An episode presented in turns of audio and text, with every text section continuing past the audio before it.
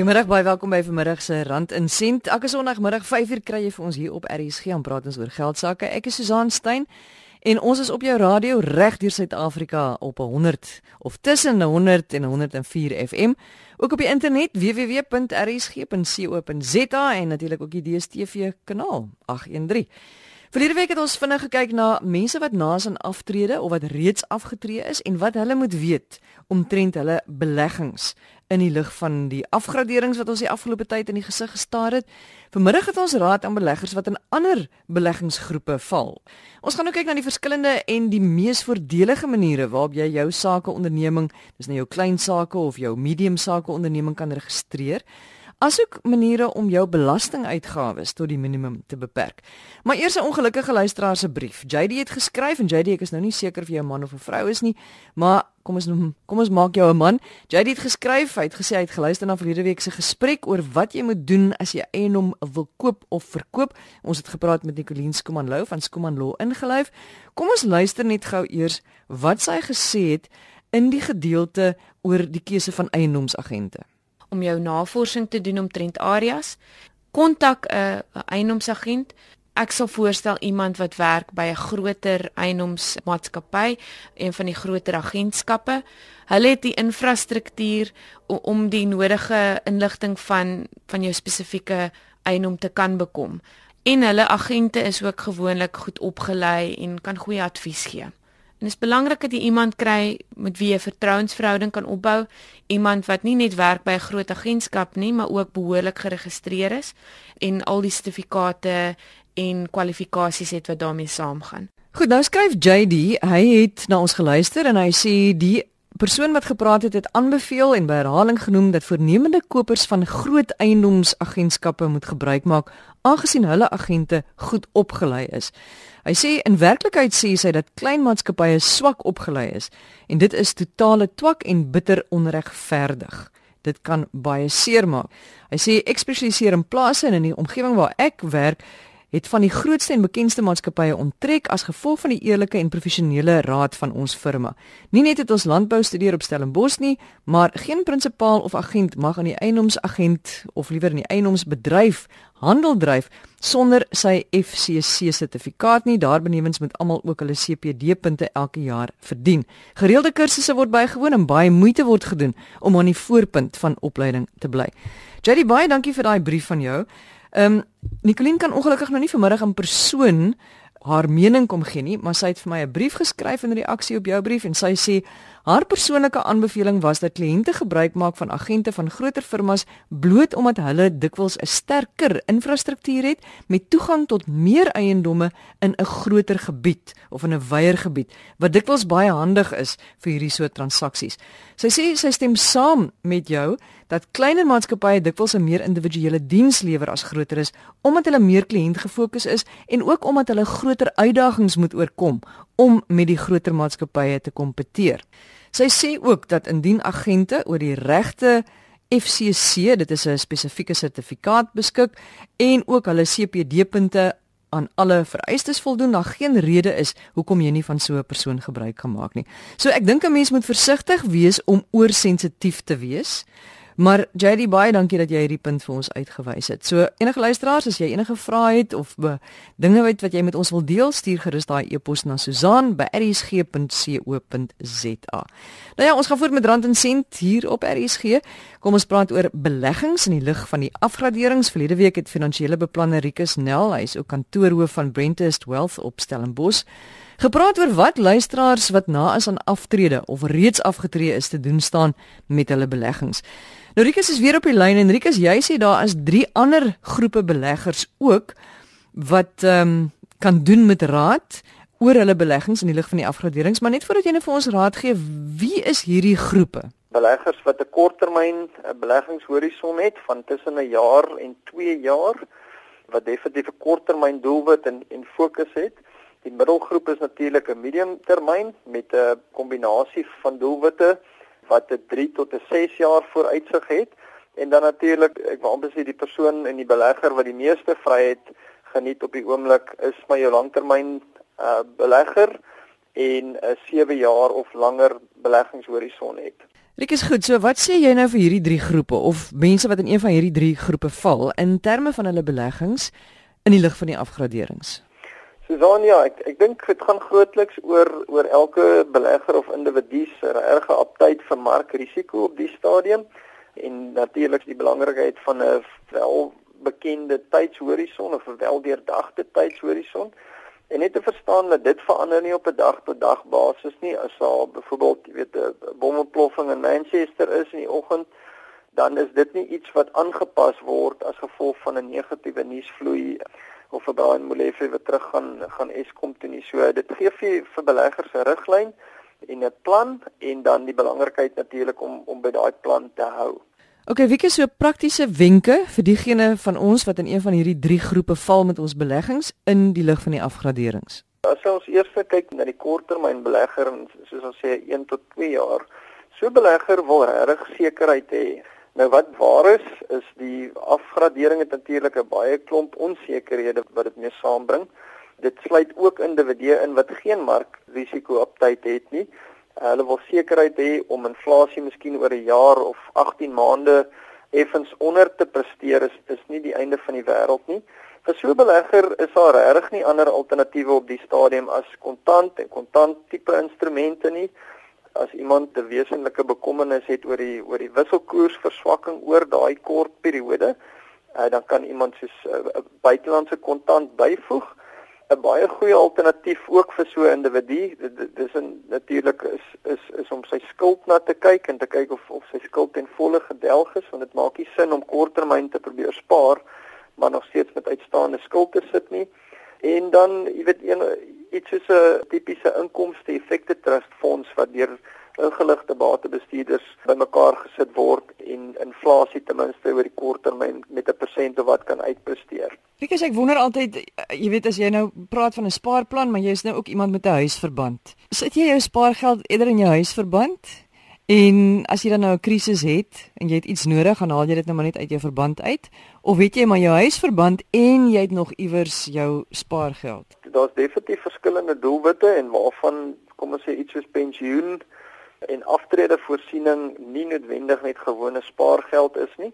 So ek sal nie my pensioengeld byvoorbeeld in my huislening gaan indruk nie want ek dink éventueel gaan jy maar net jou lewensstandaard verbeter as daai as daai lening afbetaal is en jy gaan net so sukkel om 'n bydrae tot jou aftreebeplanning te doen. So ek dink die twee hardloop parallel met mekaar, maar enige addisionele, kom ons sê diskresionêre spaargeld maak dit vir my in hierdie konteks en spesifiek met hierdie onsekerhede en spesifiek met kapitale risiko waar dit is op die oomblik maak dit vir my sin om dit wel in 'n huislening of of enige ek wou amper sê skuldinstrument hmm uh, te kan delg. Ek is net gou om terug te gaan na die belegger en die afgraderings. Jy het nou die korttermyn uh, belegger gedek, maar wat van die medium en die langtermyn?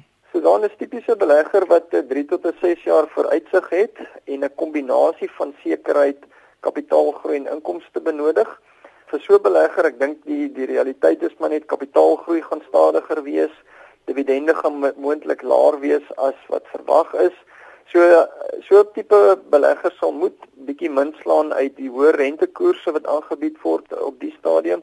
Dit lyk of inflasie stabiel gaan wees ten spyte van die afgradering en dis maar ek wil besê ons goeie mielieoes en die lae olieprys wat daartoe bydra. Uh, maar weer eens in terme van posisionering, ek dink Del België skuld is nie 'n slegte uh, strategie nie. Gaan diversifiseer, moenie op een bateklas roep neem en en verwag dat dat dit jou gaan deurdra nie. Uh ek dink kontant gee steeds goeie opbrengste oor spesifiek as jy na 3 jaar kyk.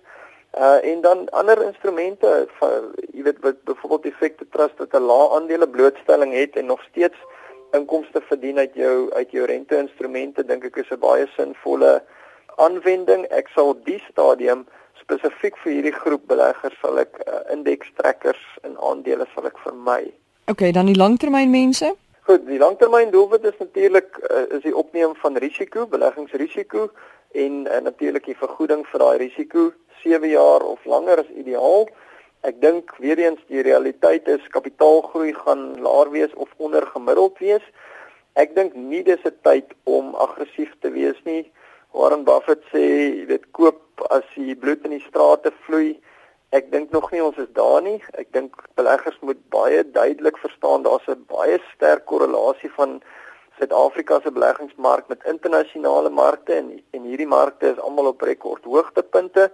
So ek dink wend groei bates aan, maar wend dit verantwoordelik aan en wees geduldig. Uh jy het hierso 'n langtermynstrategie, bly by daai strategie en ek dink weer eens ek ek dink selfs 'n 7 jaar termyn is dalk bietjie kort vir iets soos indekstrekkers in in 'n 100% aandele oplossing. Rikus, ek wil graag twee goed van jou hê. Een is 'n woord van optimisme en die ander is 'n woord van ek wil nie sê waarskuwing nie, maar net ja, miskien 'n waarskuwing van hoorie wees versigtig hiervoor, maar die ander kant daarom ook 'n bietjie optimisme. Wat wat wat is hierdie twee kante? Kan jy dit vir ons gee? Ja, Susan, ek dink woord van optimisme is ons bly in 'n fantastiese land. Uh, ons land bly in 'n land van van verrassings. Soms is daai verrassings negatief. Baie keer is dit positief. Uh, ons het klaar gehoor dat die uh, die IMF e het het ons groeikoers al positief aangepas en ek wou amper sê jy weet iets soos die mielieoes hoe vinnig so iets omswaai uh rekord mielieoes ek dink is van iets soos 1987 of 81 af outomaties is ons in 'n scenario waar inflasie laer gaan wees as wat dit verwag word. Suid-Afrika is werklik vir my 'n land met uh, amper soos 'n kat met 9 lewens. Daar's altyd iets tot ons voordeel. Ons het 'n 'n baie innoverende uh, gemeenskap en ons het baie keer uh maatskappye en en industrie wat uit hierdie positiwiteit uitminslaan en en ons sien nog steeds baie sterk maatskappye groei in sekere sektore. Dit is bietjie geïsoleer tot die stadium. Uh maar ek dink daar's fantastiese stories en en daar's nog steeds geld te maak op ons mark. Maar ons moet net onthou Ek dink net uh, beleggers moenie vergeet dat uh, van die risiko nie. Ek dink hulle het hulle het oor 'n baie lang tyd en dit omtrent van 2012 af tot einde 2015 het ons baie goeie en groot voorspoed geken op beleggingsmarkte. Ek dink die verwagting is dalk bietjie hoog gestel geweest en net om te onthou wanneer markte oorpresteer kom daar ook tye wat hulle onderpresteer. En ek my vermoede is dat dit in so 'n fase is wat ons wat ons op die oomblik is. En is handig om in tye van voorspoed en van teespoed konservatief te wees want natuurlik wil ek amper sê kanselleer jy dan die teespoed met voorspoed uit. En ja ek ek dink te fokus op dit waarop ons reg beheer het op die oomblik en en geduldig te wees. Rikus baie dankie vir jou wyse raad. Ja, as ons maar net geduldig kan bly as ons maar net nie paniekerig raak nie en as ons wys en konservatief met ons geld kan omgaan. Nie net in die slegte tye nie, maar ook wanneer dinge goed gaan. Dit is Rikus Nel, hy is die kantoorhoof van Brentest Wealth op Stellenbosch en 'n geregistreerde finansiële beplanner. Ek is Susan Stein en baie welkom as jy nou net jou radio aangesit het. Ons eh, praat oor geld sake. En ons gaan nou kyk oor uh, of na klein en medium sake ondernemings jy het een en jy wonder op watter manier of in watter entiteit is gaan die beste wees vir jou om jou onderneming te laat registreer. En dan ook op watter maniere kan jy alles spaar op jou belastinguitgawes wanneer jy jou eie onderneming het. Lenet Willemse is by my in die ateljee, hy is 'n belastingkonsultant by Mazars. En Lenet, ehm um, daar's verskillende maniere waarop jy jou sake onderneming kan bedryf of laat registreer. Wat is dit almal? Jy kan as 'n eenman saak in jou eie naam, jy kan as 'n maatskappy, jy kan as 'n beslote korporasie, 'n trust, vennootskap um, of 'n privaat maatskappy natuurlik. So afhangende van die entiteit waarbinne jy gemaklik voel en waar jy binne voel jou besigheid die beste kan groei, um, gaan dit dan afhang watter tipe belastingregime jy dan kan van gebruik maak en daar is verskeie opsies beskikbaar vir 'n klein besigheid waar binne hulle hulle besigheid kan struktureer om sekere voordele te geniet. OK, jy het nou wat 5 genoem. So hoe hoe hoekom sal ek nou die een kies bo die ander? Wat sal nou die voordele wees van hierdie verskillende maniere waarop ek my onderneming sal registreer? Meeste persone sal as 'n maatskappytjie registreer 'n maatskappytjie het sekere voordele in die opsig dat jou um, aanspreeklikheid teenoor derde partye is dan beperk tot die maatskappy, so jy in jou persoonlike kapasiteit sal dan nie aanspreeklik gehou word vir enige eise teen die maatskappy nie.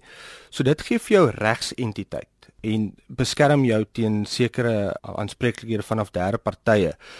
'n Maatskappy is ook gewens in die opsig dat jy kan beide van of die omsetbelastingstelsel wat op mikrobesighede gefokus is gebruik maak of die klein sake koöperasie regime gebruik maak. Al twee daardie regimes maak voorsiening vir maatskappye om daarvan gebruik te maak.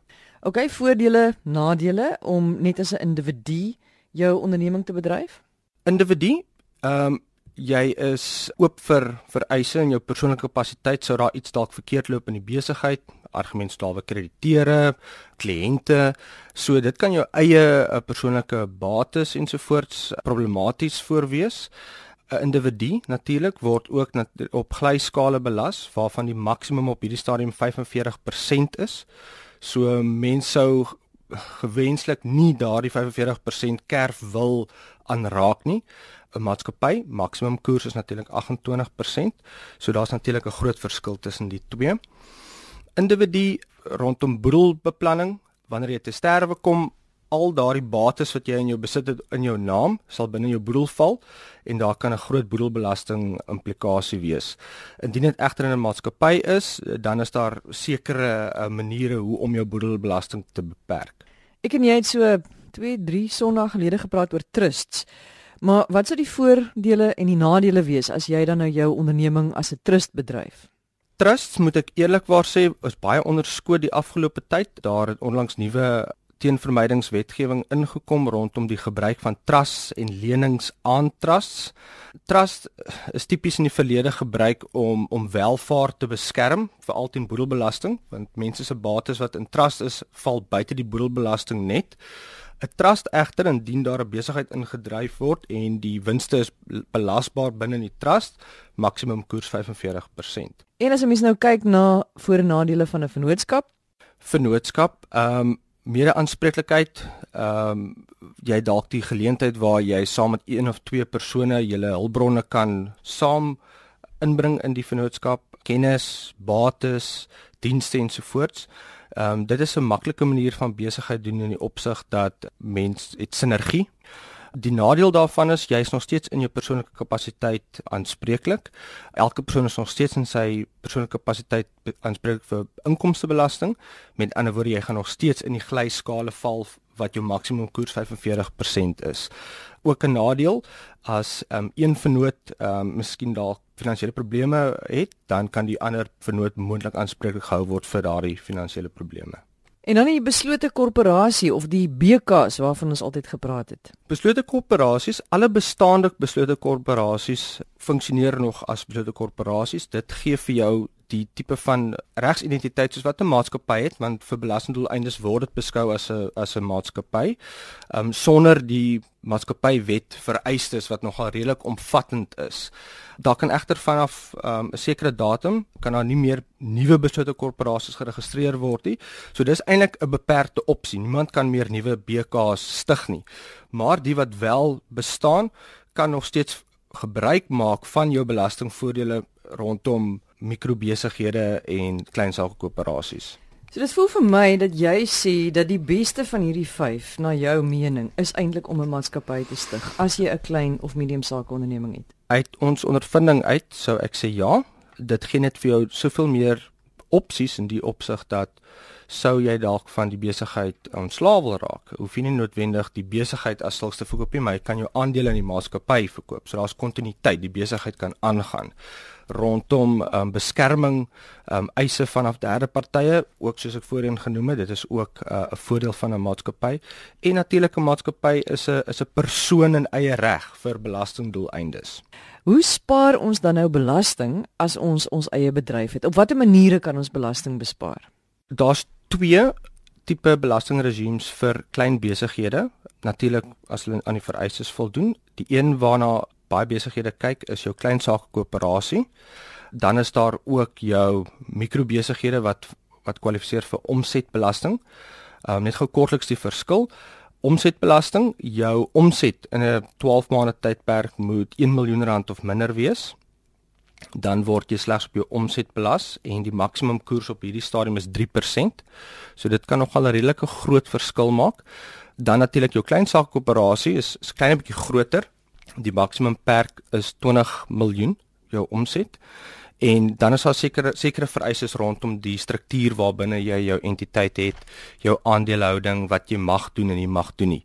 Wat 'n klein sake koöperasie aantreklik maak vir besighede wat 'n klein bietjie groter is, is dat jy kry sekere slytasie toelaas in jaar 1 van jou besigheid waar jy dit in die verlede sou kon eis oor 'n tydperk, kan jy alles in een tydperk eis en dit veral waar dit 'n groot kapitaalintensiewe besigheid is, kan dit 'n groot verskil maak. So wat is die vereistes vir 'n onderneming om te kwalifiseer? Soos vir 'n uh, besigheid om te kwalifiseer vir omsetbelasting waar jy dan van die 3% maksimum koers kan gebruik maak, is eerstens dat um, jou besigheid moet of in 'n een eenman saak bedryf word of in 'n privaat maatskappytjie of in 'n BK. Trusts kan ongelukkig nie van hierdie regime gebruik maak nie. Dan moet jou omset uit die aard van die saak 'n miljoen rand of minder wees en jy mag nie aandele hou in ander privaat maatskappye en goed nie. Daar is 'n lys van aandele wat jy wel mag hou, byvoorbeeld as jy aandelehouding het in 'n gelyste maatskappy op die JSE, is dit toelaatbaar. 'n Klein sakekoöperasie 'n paar vereistes, jou jou omset moet 20 miljoen rand of minder wees. Dieselfde storie as met omsetbelasting, jy mag nie 'n sekere soort aandelehouding hê nie, byvoorbeeld aandele in 'n ander privaat maatskappy. Jou besigheid se aandeelhouers moet almal gewone mense wees. Ons praat van natuurlike persone. So 'n trust kan byvoorbeeld nie 'n aandeel hou in 'n klein saakkoöperasie nie. Dan die ander vereiste is dat jou entiteit mag nie wat hulle noem 'n persoonlike diens lewer nie. Nou 'n persoonlike diens is 'n redelike netelige kwessie in die opsig dat eh, die die wet lys net eh, 'n uh, paar aktiwiteite. Met ander woorde, hulle lys byvoorbeeld aktuariële dienste, ehm um, konsultasie, mediese dienste. Hulle sê nie spesifiek wat dit behels, byvoorbeeld 'n apteker, 'n dokter, 'n fisioterapeut. So dit is nogal 'n redelike beperkende vereiste, maar Eh, wat betref omsetbelasting en kleinsaakkoöperasies, dis tipies jou besigheid wat jy byvoorbeeld het 'n tuisnywerheid, 'n loodgieter, eh, 'n klein konstruksiebesigheid, 'n kunstenaar byvoorbeeld.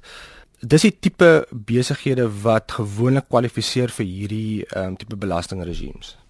Net laaste vraag. Ek het nou my bedryf of my sakeonderneming, wat moet ek nou doen as belastingpligtige om vir 'n spesifieke entiteit te registreer? Susan, indien jy wil registreer vir die omsetbelastingregime, moet jy vooraf aansoek doen. Die aansoekvorm is beskikbaar op um, SARS se webwerf. Um, hulle noem dit 'n TT01. Daarop sal sekere standaard vrae aan jou gestel word rondom die kwalifikasie van jou besigheid. As al die antwoorde op daardie vrae ja is, sal die vorm outomaties vir jou die volgende sigblad bied waarop jy dan jou details um, invul. Daardie vorm word dan by SARS ingedien. SARS sal dan vir jou um, gewoonlik binne 21 werksdae in kennis stel of jy kwalifiseer en of jy registreer. En dan as die antwoord ja is, dan uh, hardloop jy jou besigheid soos 'n mikrobesigheid vir omsetbelasting en maak jy gebruik van die omsetbelasting voordele. Liner net gou rondom opgawes, jou belastingopgawes? Daar's geen voorlopige belastingopgawe of kapitaalwins nie. Daar's wel omsetbelastingopgawes wat jy wat jy invul. Rondom jou klein sakekoöperasie hoef jy nie as sulks vooraf te registreer as 'n klein sakekoöperasie nie.